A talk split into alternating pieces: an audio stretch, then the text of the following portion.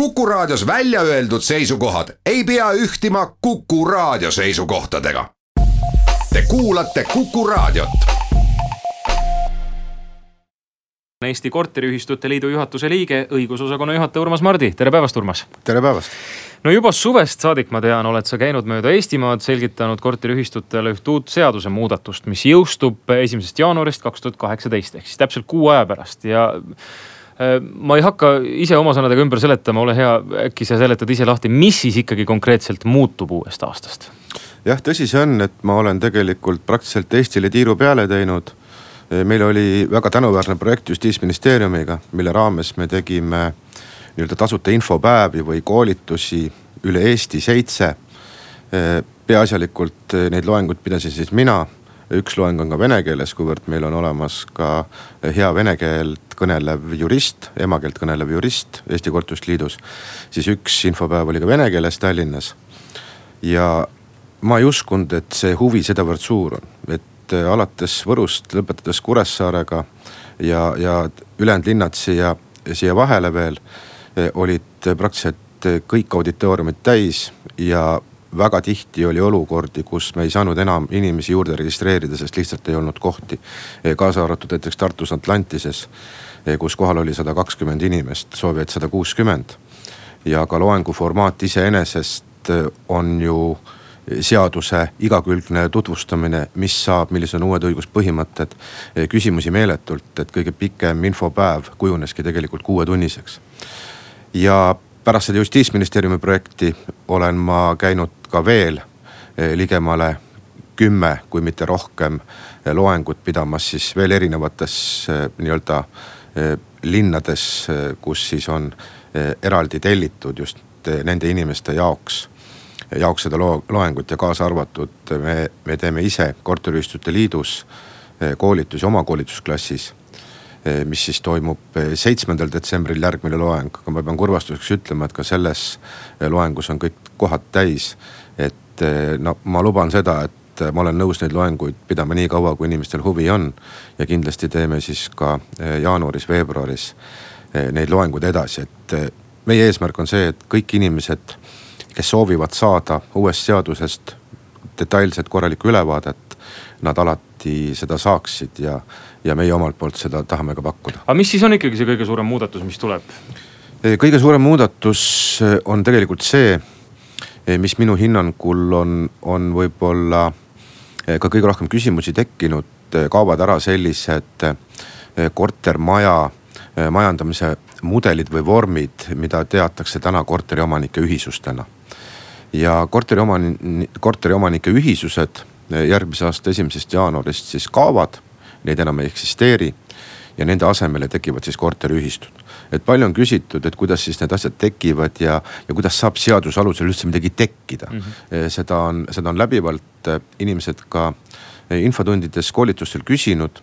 siis ma olen alati ütelnud, et ega ongi väga raske selgitada, et kuidas mingi asi seaduse alusel tekib. on selline õiguslik võimalus, et seaduse alusel midagi luuakse ja inimene ei pruugigi seda ju märgata, et, et nii ta lihtsalt on. ja, ja võib-olla kõige parem näide nendele inimestele, kes küsivad, et kuidas saab mingi, mingi korteriühistu näiteks seaduse alusel tekkida. siis needsamad korteriomanike ühisused, mis täna Eesti mm, nii-öelda õigusmaastikul tegutsevad nii-öelda majandamisvormina on täpselt samamoodi tekkinud seaduse alusel. et juhul, kui on olemas kortermaja, kus on moodustatud korteriomandid siis seaduse alusel tekib sinna automaatselt ka korteriomanike ühisus. ja, ja miks seda seadust vaja on, sellest ma saan ka väga hästi aru, sest äh, tänane õiguslik regulatsioon on problemaatiline just nimelt nendel korteriomanike ühisustel. esiteks on nende likviidsus väga suure probleemi all, pangad ei taha neile laenu anda, kuivõrd tegemist ei ole juriidilise isikuga. ja veel ühed tõsised äh, küsimused on seal esindusõiguse teostamisel et kes siis ikkagi seda esindusõigust teostab. sest me teame, et korteriomanike ühisuse osas peab täpselt samamoodi keegi olema nii-öelda usaldusisikuks, kes siis eh, tegeleb igapäevaste majandamisküsimustega. ja vastavalt seadusele on siis selleks isikuks valitseja. see valitseja võib olla keegi korteriomanikest või siis näiteks ka juriidiline isik. ja nüüd, kui see korteriomanik või niinimetatud valitseja läheb tehingut tegema, siis on nii-öelda siin õigusproblemaatika, kelle nimel ta selle tehingu teeb kuivõrd tema ise jääb selle lepingu pooleks, et kas siis tema on nii-öelda otseselt vastutav või laienevad ka need kohustused nii-öelda korteriomanikele. et asi oleks lihtsam siis, kui kõik korteriomanikud sellele alla kirjutavad, aga kui mõni ei kirjuta, et kas siis temale laienevad näiteks mingisugused vastu võetud kohustused. ja siin on ka muid selliseid õigusteoreetilisi probleeme, et selles suhtes on, oli kindlasti mõistlik see seadus üle vaadata. ja noh, kas nüüd oli vaja nii kardinaalset muudatust, et meil tekibki korteriühistute vabariik mm. -hmm ühtepidi on minul ju selle üle väga hea meel, et korteriühistud usaldatakse, et riik on näinud, et tegemist on ülioluliste, hästi toimivate, õiguslikult reguleeritud partneritega. teistpidi oleks võib-olla võinud ka sedasama korteriomandi seadust muuta, millest ma just pikalt rääkisin, kus on siis oma problemaatika ja inimesed oleks saanud siis nii-öelda kehtivalt oma majandustegevuses edasi minna. aga täna selline olukord on. aga kui palju meil on neid ühisusi, kui paljusid see puudutab, et esimesest jaanuarist tõepoolest tekivad, tõepoolest tekivad sinna ühistud? mul oleks võib-olla üldse mõistlik ära rääkida need erinevad kortermajade majandamise vormid mm. -hmm. sellepärast, et ka selle kohta on palju küsimusi. aga esiteks ma vastan teie küsimusele, korteriomanike ühisusi ei oska keegi ütelda täpselt, kui palju neid on. prognoositakse neid kuskil kaheksa-üheksa tuhande osas. ehk et need on siis konkreetselt need majad Eh, mis tekivad uue seaduse mõistes, millest tekivad korteriühistud. veel on kolm hoonetüüpi, mida inimestel on hea teada ja milledele ei laiene uus korteriomand ja korteriühistu seadus. Need on sellised kortermajad, kus ei ole eh, nii-öelda omanikud jaganud eh, omandit korteriomanditeks, vaid kasutavad nii-öelda tavalist kaasomandi, kaasomandile eh, põhinevat eh, õigussuhet ja, ja seal on ka täpselt samamoodi korterid, aga nende korteritega on siis inimesed kokku leppinud, nad on teinud näiteks kasutuskorra. ühele korter number üks, teisele korter kaks, aga nad ei ole korteriomanditeks moodustatud ja nendele majadele see uus regulatsioon ei kehti, et nemad saavad nii-öelda majandada samamoodi nagu täna. veel on üks grupp maju, mida nimetatakse täna hooneühistuks et inimesed paremini aru saaksid, need hooneühistud on tegelikult need majad, mis, mis nii-öelda nõukogude ajal olid elamuehituskooperatiivid, mis inimesed ise ehitasid. kuivõrd eh, need kooperatiivid on erinevate reformide kaudu siis viimase reformi kohaselt ümber nimetatud hooneühistuteks mis allub siis tulundusühistute seadusele ja on äriühingud tegelikult üldse. siis ka nendele hooneühistutele uus seadus ei laiene, sellepärast et ka nendes majades puuduvad korteriomandid ja kogu see maja eh, koos eh, siis nii-öelda eh, krundiga kuulub sellele hooneühistule endale. et ma lihtsalt vahele ütlen, et korteriühistu ise ei ole varaomanik, seevastu hooneühistu on väga likviidne ja talle kuulub kogu vara ja kolmas grupp maju, mis on võib-olla nagu, nagu väga-väga väike grupp, on sellised ridamajad, millede bokside juurde on iseseisvad krundid moodustatud. ka nendele ei laiene see uus korteriomand ja korteriühistu seadus.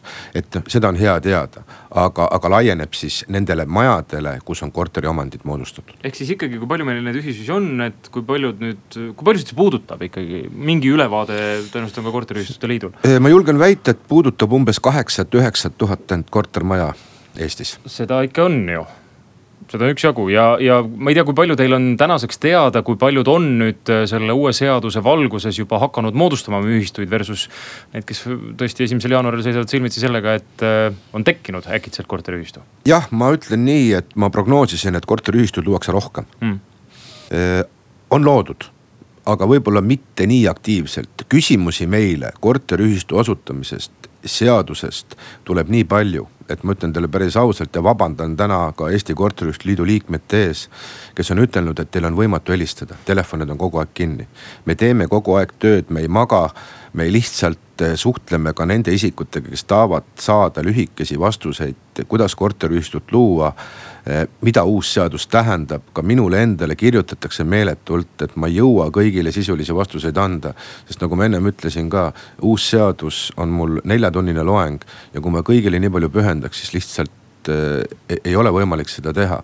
aga, aga tõsi, ühistuid luuakse aga mitte nii intensiivselt või aktiivselt Eh, kui mina oleks prognoosinud. ma olen alati olnud seda meelt, et ühistu luua ise on igal juhul mõistlikum, et saada eh, õigusaktidega kurssi, saada teada, kuidas see ühistu toimib, et sul ei teki uuest aastast üllatust. et nüüd on mul korteriühistu, mis asi see on, eks aga, aga jah, põhimõte on selles, et juhul kui nüüd ühistut ise korteriomanikud ei loo, täna on see võimalik siis kehtiva seaduse alusel, tuleb see luua enamuse korteriomanike nõusolekul, tingimusel, et sellele enamusele kuulub ka omandist enamus, siis on võimalik see korteriühistu asutada.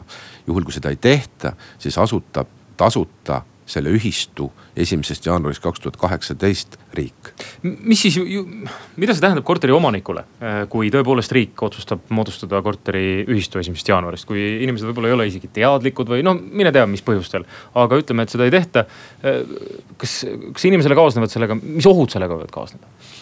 ma otseselt nagu ohte ei näe, et äh, mitte mingil juhul ei ole siin ka alust mingiks paanikaks mm -hmm. või, või, või hirmutamiseks, et on tulnud ka küsimusi, et et kas tõesti nüüd mulle näiteks naaber rääkis, et võib juhtuda see olukord, et äkki minu korter võetakse ära või, või, või mingisuguse omandiga seotud eh, takistusi tehakse. ei tehta, tegemist on ikkagi majandamismudeliga. see tähendab seda, et see ei sekku nii-öelda otseselt sinu, sinu omandi käsutamisse ja sellega kaasnevatesse õiguslikesse põhimõtetesse. et tegemist on puhtalt eh, mõistliku majandamismudeliga ja korteriomanikud peavad siis aru saama, et kui neil täna ei ole juriidilist isikut, siis neil tekib see juriidiline isik.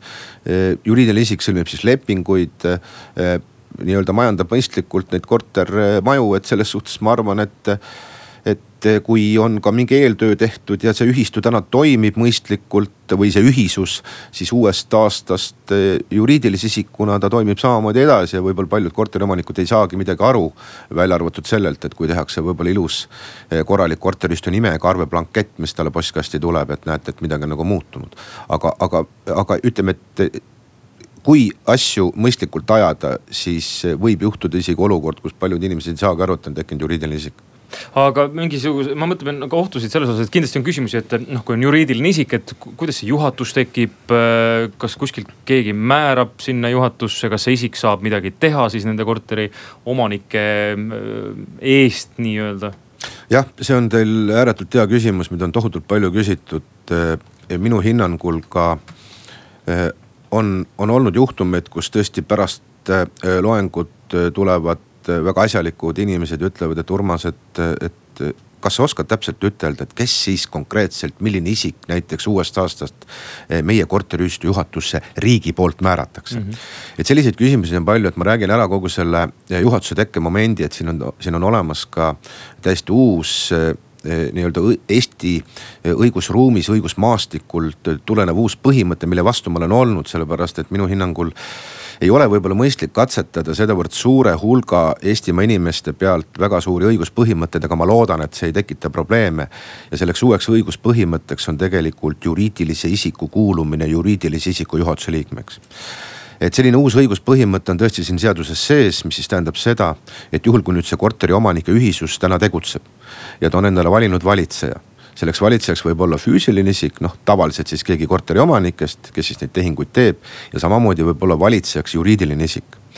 juhul kui need valitsejad on nimetatud, kinnitatud eh, korteriomanike üldkoosoleku otsusega, siis uue seaduse jõustumisel tekib sellest füüsilisest isikust eh, korteriühistu juhatuse liige ja samamoodi ka juriidilisest isikust korteriühistu kui juriidilise isiku juhatuse liige.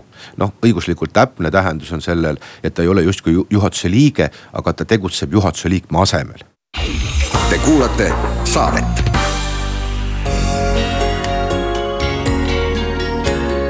Vox Populi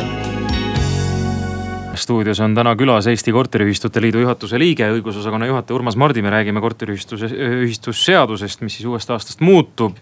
ja Urmas ootab ka teie küsimusi, mis on korteriühistutega seotud. meil jäi küll üks eelmise pooltunni lõpus üks küsimus vastamata, aga ma tean, et meil on üks kuulaja juba telefonil. kuulame selle küsimuse ära kõigepealt. tere päevast. tervist, jõudu. tarvis äh, küsimus sellise maapiirkondades esiva tüüpilise juhtumi kohta. on kunagi talumaadel ehitatud kortermajad, sellised nelja kuni kaheksa korteriga enamasti. nüüdseks on nad siis maade tagastuste käigus neile kunagistele taluomanike järeltulijatele tagasi antud. ja no seal on siis osad on, korterid on müüdud edasi või erastatud teistele, osad on nii-öelda majaomaniku omad. kas siis sellistesse ka ühistu tuleb? aitäh küsimuse eest aitäh, äh, nagu ma eh, saate alguses ütlesin ka, et teie puhul on ülioluline vaadata kinnistusraamatu kandekoosseisu. juhul kui see kortermaja on jagatud korteriomanditeks, siis nendesse majadesse tekib uue seaduse mõistes korteriühistu. juhul kui tegemist on kaasomandisse kuuluva kortermajaga, siis ei teki Äh, ma palun, Urmas, sul veel selle küsimuse siis lõpuni vastata, mis mul eelmise pooltunni juures, me jäime selle juhatuse juurde. ma loodan, et kuulajad ka vast oleks seda niikuinii ehk küsinud.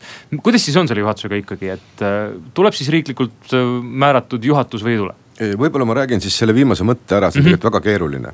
Et kui nüüd on selline olukord, et see korteriomanike ühisus on nimetanud valitsejaks juriidilise isiku, siis tegelikult ka uue seaduse jõustumisel saab tekkida sellest samast juriidilisest isikust ja tekibki eh, korteriühistu juhatuse liige. ehk et nagu ma ennem ka ütlesin, õiguslikult täpselt väljendatuna on siis korteriühistu kui juriidilise isiku juhatuse liikmeks eh, teine juriidiline isik, mida nimetatakse siis juriidilise isiku asemel olemist. ja kui nüüd see eh, juriidiline isik on uue seaduse mõistes korteriühistu juhatuse liikmeks, siis see juriidiline isik ise konkreetselt selle maja majandamisega tegeleda ei saa.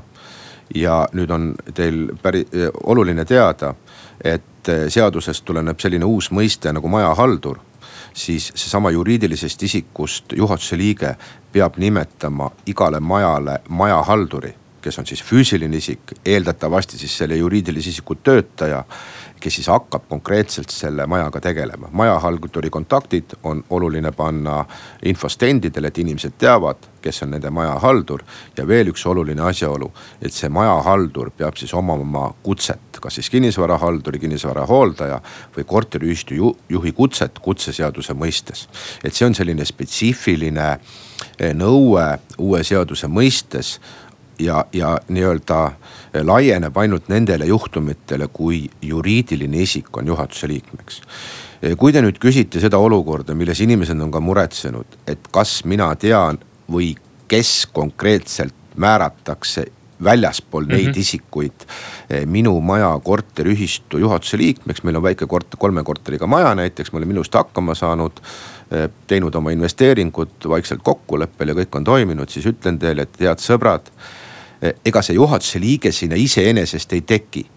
ka eelpool mainitud juhtumite kohal on e, e, pool aastat aega esitada siis asjakohane dokumentatsioon registripidajale. uuest sead-, aastast jõustub ka uus register, mida nimetatakse korteriühistu registriks, mis on ainult omane siis korteriühistutele. ja juhul, kui nüüd registripidajale dokumentatsioon esitatakse, siis määratakse see isik sinna juhatuse liikmeks. juhul, kui te ei esita vastavasisulist eh, korrektset dokumenti registrile, siis registripidaja ei saa määrata suvalist inimest korteriühistu juhatuse liikmeks.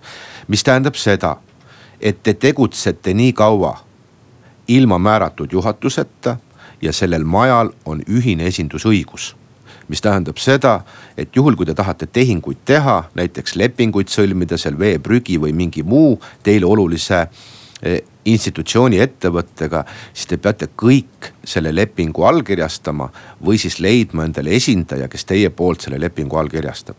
ja, ja veel üks võib-olla erijuhtum, et juhul kui nüüd korteriomanikud ei suudagi kokku leppida, et kes siis nii-öelda konkreetselt seda ühis, esindusõigust teostab, siis on võimalik taodelda ka näiteks huvitatud isikul sellele konkreetsele korteriühistule kohtu kaudu ajutine juhatul, juhatuse liige määrata ja veel üks asi, ma tean, et meil on saateaega niivõrd vähe ja ma ütlen, et mul on väga pikad loengud ja siin on, siin on ja ega mulle endale meeldib seda lugeda, aga siis on, siin on väga palju uusi huvitavaid asju. siis palun pange ka tähele see, et on olemas erikord kuni kümne korteriomandiga majadel ja kuni kümne korteriomandiga majad ei pea valima juhatust neil ei ole seda nii-öelda seadusest tulenevat kohustust. ja kuni kümne korteriga majal on veel üks eripõhimõte, neil ei pea nemad võivad pidada kassapõhist raamatupidamist, et nad ei pea esitama majandusaasta aruandeid eh, siis nii-öelda sellele uuele registrile tulevikus, mida nimetatakse korteriühistu registriks. no võtame ühe küsimuse ka nüüd vastu, neid küsimusi kindlasti tekib, ei tekigi. kuus, kaks, üks, neli, kuus, neli, kuus, igal juhul on telefoninumber, Urmas Mardi igal juhul ootab siis eh, korteriühistutega seotud küsimusi. esimesest jaanuarist kaks tuhat kaheksateist muutub korteriühistute seadus ja, ja moodustatakse siis eh, kõikjal Eestis peaaegu korteriühistud, teema, mis puudutab vaata et miljonit inimest, circa seitsekümmend viis protsenti peaks elama Eestis ju kortermajades, saan ma õigesti aru, Urmas? täpselt nii. kuus, kaks, üks, neli, kuus, neli, kuus. Äh, Urmas Mardi ootab siis teie küsimusi, senikaua kuni me ootame helistajat, Urmas. noh, juhatus on kindlasti üks asi, mis nendel loengutel veel välja tuleb, mis on inimestel veel hinge peal, mis puudutab nüüd muudatusi, mis, mis ees ootavad? No sellised nagu, nagu suuremad põhimõtted me saame läbi rääkida, et noh, väga palju on ka erinevaid detaile. et millised siis nii-öelda eh, uued näiteks ka õiguspõhimõtted on, on korteriühistutele kohaldavad, et noh, täna ma võib-olla toon kaks sihukest olulisemat välja, kuigi neid on päris palju, et et, et on täiesti uued õigus, õigusmõisted, näiteks eriomand, erikasutusõigus. et on küsitud, mis asi see on, siis noh, hästi lihtne on võib-olla inimestele öelda seda, et kui täna on korteriomand koosneb nii-öelda kahest õigusest üheaegselt. milleks on siis korteriomandi reaalosa ja kaasomandi mõtteline osa, siis uuest aastast kaob ära selline mõiste nagu reaalosa, mida siis nimetatakse korteriomandi eriomandi, eriomandi mõistega ja erikasutusõiguse puhul on siis siit nagu loogiliselt seaduses edasi mindud, et, et tegemist on siis nagu täna äh, korteriühistutelt teadaoleva põhimõttega, mida nimetatakse kasutuskorraks. väga palju on selliseid äh, parkimise kasutuskordi kokku lepitud. no nüüd peaks olema küll küsija liinil, tere päevast. tere päevast. meil Kohtla-Järvel on niisugune probleem, et osa inimesi on korteriomanikud, aga ei ela seal, korter on külm ja näiteks korrusmajas, siis teisel korrusel on temal tänu sellele põrand väga külm. kas saab kuidagi kohustada korteriomanikku, et seal mingi temperatuur oleks? aitäh küsimuse eest. aitäh ja kindlasti saab, saab ka täna sellepärast, et korteriomanik peab olema hoolas ja hoiduma tegevusest, mis eh, nii-öelda teisi korteriomanikke häirib või seaduse mõttes siis eh, sõnastatult ületab nii-öelda sellest eh, tavakasutusest tekivad mõjutused et saab ka täna, aga uuest aastast on selline säte sõnaselgelt ka korteriomandi ja korteriühistu seaduses kirjas. mis siis tähendab, et korteriomanik peab tagama mõistliku temperatuuri ja samuti ka mõistliku eh, nii-öelda õhuniiskuse eh, selles konkreetses korteriomandis, mille omanik ta on. see, kas ta seda korterit kasutab, kas ta elab seal ise või on ta välja üüritud, see ei ole absoluutselt oluline. sellepärast, et sõltuvalt sellest millisel viisil korteriomanik siis omandit kasutab või mitte, on tal olemas ka kohustused nii-öelda seda korteriomandit korras hoida. kuus, kaks, üks, neli, kuus, neli, kuus on taas helisenud, tere päevast. tere, ega ma tegelikult mitte midagi aru ei saanud. aga, aga ma küsin, et äh, kust see juriidiline isik siis tuleb ja kes talle palka maksab? hea küsimus, aitäh mul on väga kahju, et ei saanud aru, et äkki on võimalik ka tulla võib-olla näiteks järgmine aasta justiitsministeeriumi toel või, või kui mingi projektirahasid saab eh, seda infot anda. Eh, nagu ma ütlesin, siis see juriidiline isik tekib seaduse alusel. ja ega talle keegi palka ei saagi maksta see, mis puudutab tasustamist, näiteks juhatuse liikmeid, eh, kes teil hakkavad nii-öelda selle ühistu majandamisega tegelema, see on teie kui korteriomaniku otsus. ja, ja kui suur see summa on ja kas te olete nõus oma juhatuse liikmetele tasu maksma, siis see ongi teie otsus, et eh, te olete selles suhtes huvitavas olukorras, et väga paljud korteriomanikud käivad tööl ja ega inimesed ju väga tihti oma palkadega rahul ei ole. siis korteriühistu üldkoosolekul olete teie tööandja rollis mm -hmm. ja teie saate otsustada, eh, milliseid eh, tasusid te peate vajalikuks maksma või ei pea neid üldse vajalikuks maksma, et see on puhtalt ainult teie otsus, mitte keegi teie eest kellelegi tasusid maksma ei pea hakkama. kuus, kaks, üks, neli, kuus, neli, kuus on taas helisenud, tere päevast. tere päevast. ja kuuleme teid.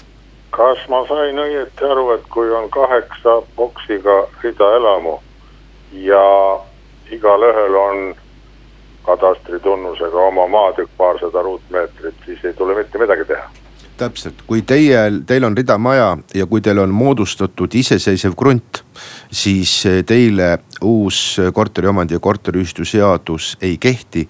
ja, ja teie puhul ei muutu mitte midagi, teil ei ole, teil ei teki nii-öelda seadusest tulenevat juriidilist isikut korteriühistu nime näol. ja järgmine helistaja peaks olema liinil, tere päevast. tere päevast, ma puudutaksin seda teemat, mida selles jutus ei ole täna puudutatud, see on olukorda, kus korteri, korterelamu koos oma, tähendab siis ka selle maaga, on korteriomanike poolt põhiliselt täies ulatuses, võib-olla erandina oleks üks korter on koormatud hüpoteeklaenuga, ehk sisuliselt võtnud korteri eh, omanikud, on võtnud oma eluruumi ja kaasomandi osande peale, on võtnud selle rahas välja no, selle väärtuse.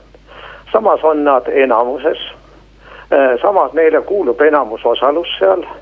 Ja neil on võimalik minna ja taotleda ka selle elamu peale eh, uuesti seda nii-öelda nagu kenasti härra Mart ütles, likviidsuse huvides täiendavat laenu, sest neil on selleks õigus ainult et juhtumisi selle korterelamu väärtuseks on selle võib-olla ainsa korteriomaniku, kes ei ole oma raha sealt välja võtnud nii-öelda hüpoteeklaenuna kahekümneks aastaks.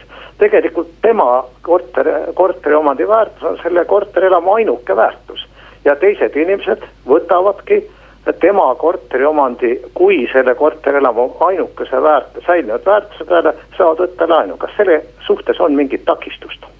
Aitäh küsimuse eest! Aitäh, no teie küsimus oli, oli päris keeruline. ma loodan, et ma saan õieti aru, et eh, siin on nagu kaks komponenti, esiteks on see olukord, kus eh, korteriomanik on võtnud laenu, koormanud siis oma omandit eh, hüpoteegiga panga kasuks ja siis mingi perioodi jooksul, kui laenumaksed on tasutud, siis saab selleks varaomanikuks isiklikult füüsilise isikuna ja kuivõrd teie majas äh, näite puhul on neid äh, hüpoteegiga koormatud korterid äh, enamus ja, ja väidetavalt siis teie korter ei ole hüpoteegiga koormatud, ehk et te olete suutnud siis soetada endale vara ilma laenuabita. siis ma tahaks teile öelda, et mis puudutab uusi korterelamuid, ma arvan, et sellised tehingud on valdavalt nii-öelda teostatavad, sellepärast et vähe on neid inimesi Eestimaal, kes suudavad eh, korteri kohe omast rahast välja maksta. ja selline laenuga korteri omandi soetamine on täiesti mõistlik ja tavapärane ja sealt tekibki siis nii-öelda see hüpoteegikanne kinnistusraamatusse, mis näitab siis, et see on nii-öelda laenuga soetatud kellegi krediidi, krediidiasutuse eh, kasuks Eh, mis puudutab nüüd teie küsimust, kui ma õieti aru sain, et juhul, kui on olemas korteri omandil endal laen, aga korteri omanikud leiavad, et tahaks tegelikult ka majal midagi ära teha, näiteks seal midagi renoveerida, mingid süsteemid välja vahetada, aga ei ole nii palju remondifondis laekumisi. siis tõsi, tegelikult see korteriühistu saab taodelda ka laenult eh, või nii-öelda pangalt laenu konkreetselt selle kortermaja nii-öelda kaasomandi mõtteliste osade, milleks on siis nii-öelda seinad, konstruktsioonid, katus, eh, katus eh, remondiks. et siin ei ole ka mitte midagi keerukat ja, ja kui te ka väitsite, et, et noh, siin võib tekkida mingisugune eh, makselikviidsus või problemaatika, siis selle eest ei ole ausalt öeldes demokraatlikus ühiskonnas mitte keegi kunagi kaitstud.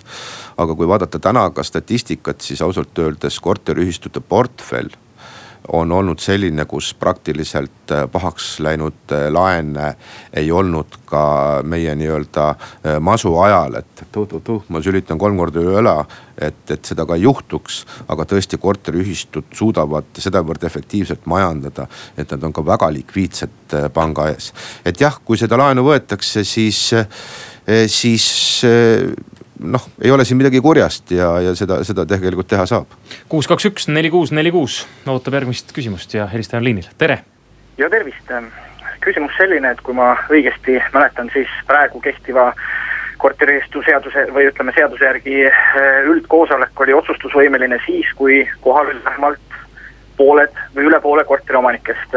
uus seadus eh, lisaks häältele äh, seob äh, koosoleku mm, legitiimsusega ruutmeetrite arvuga, et milleks see kasulik on, et see ajab ju asja tegelikult päris meeletult keeruliseks, kus iga, iga koosolek algab sellise paraja arvutamisega, et kas nüüd tuleb see, see ruutmeetrite arv täis või mitte.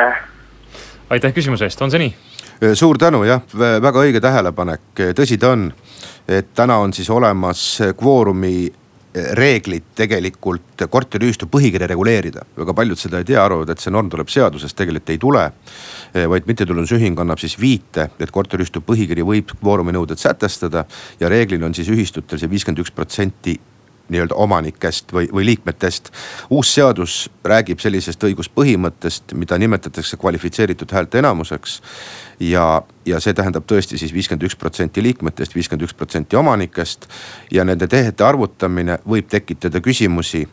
E, aga ütlen teile veel, et siit on võimalik natuke ka kõrvale kalduda, ehk et need ühistud kes täna on olemas, kelledel on põhikirjad, põhikirjad jäävad kõik kehtima eh, uue seaduse mõistes, lihtsalt tuleb nad ümber vaadata.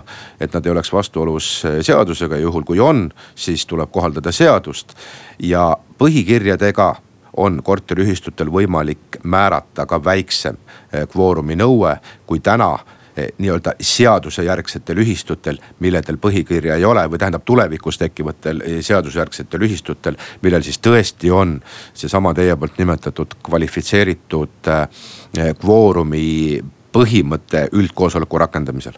kuus, kaks, üks, neli, kuus, neli, kuus, tere päevast.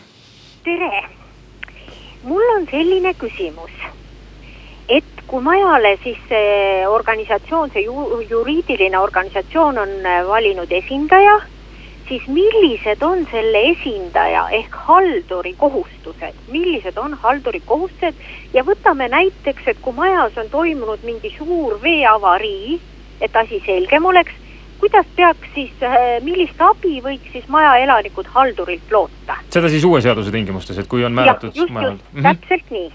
aitäh küsimuse eest noh, ega tegelikult on ju niimoodi, et siin on kaks, kaks põhimõtet, et juhul kui nüüd see juriidiline isik on seal juhatuse liikmeks ja eeldatavasti on ta siis keegi kinnisvarahaldusettevõte või vähemalt seda kompetentsi omav isik. Eh, siis põhimõtteliselt eh, haldushooldusregulatsioon eh, tulenebki nii-öelda üldistest põhimõtetest, et praktiliselt peaks siis see haldur tegelema kõikvõimalike küsimustega, mis konkreetselt selle, selle elamu majandamiseks ja korrashoidmiseks vajalik on.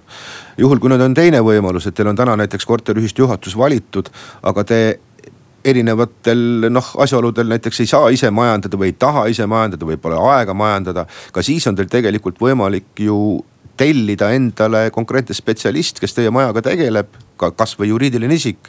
ja sellisel juhul te tegelikult peate ka lepingus kokku leppima, et milliseid konkreetseid ülesandeid siis konkreetselt te soovite et teile osutatakse ja mille eest te olete siis nõus maksma. et see on puhtalt nii-öelda kokkuleppe küsimus. aga, aga üldprintsiibina, kui te räägite ka veekahjust, eh, siis kindlasti peaks ka seesama isik, kes teie poolt on volitatud eh, nende asjadega tegelema ja, ja ka vajadusel siis midagi ette võtma väga kahju, meie aeg hakkab kahjuks otsa saama, ma kujutan ette, et neid küsimusi oleks veel. Urmas, kiiresti võib-olla meeldetuletuseks, ma saan aru, et on plaanitud korterite ühistute liidul veel sel teemal ka mõned loengud? on jah, ja, ja praegu on kahjuks küll see seitsmes detsember on nüüd kinni, sinna ei ole eh, kohti, aga meil on väga hea koduleht, meil on olemas e-õpped erinevad, et kindlasti ühistujuhid kes on huvitatud eh, saama infot meie loengutest, koolitustest, olge head, kasutage ja vaadake meie kodulehekülge. suur aitäh täna stuudiosse tulemast, Eesti Korteriühistute Liidu juhatuse liige, õigusosakonna juhataja Urmas Mardi. suur tänu teile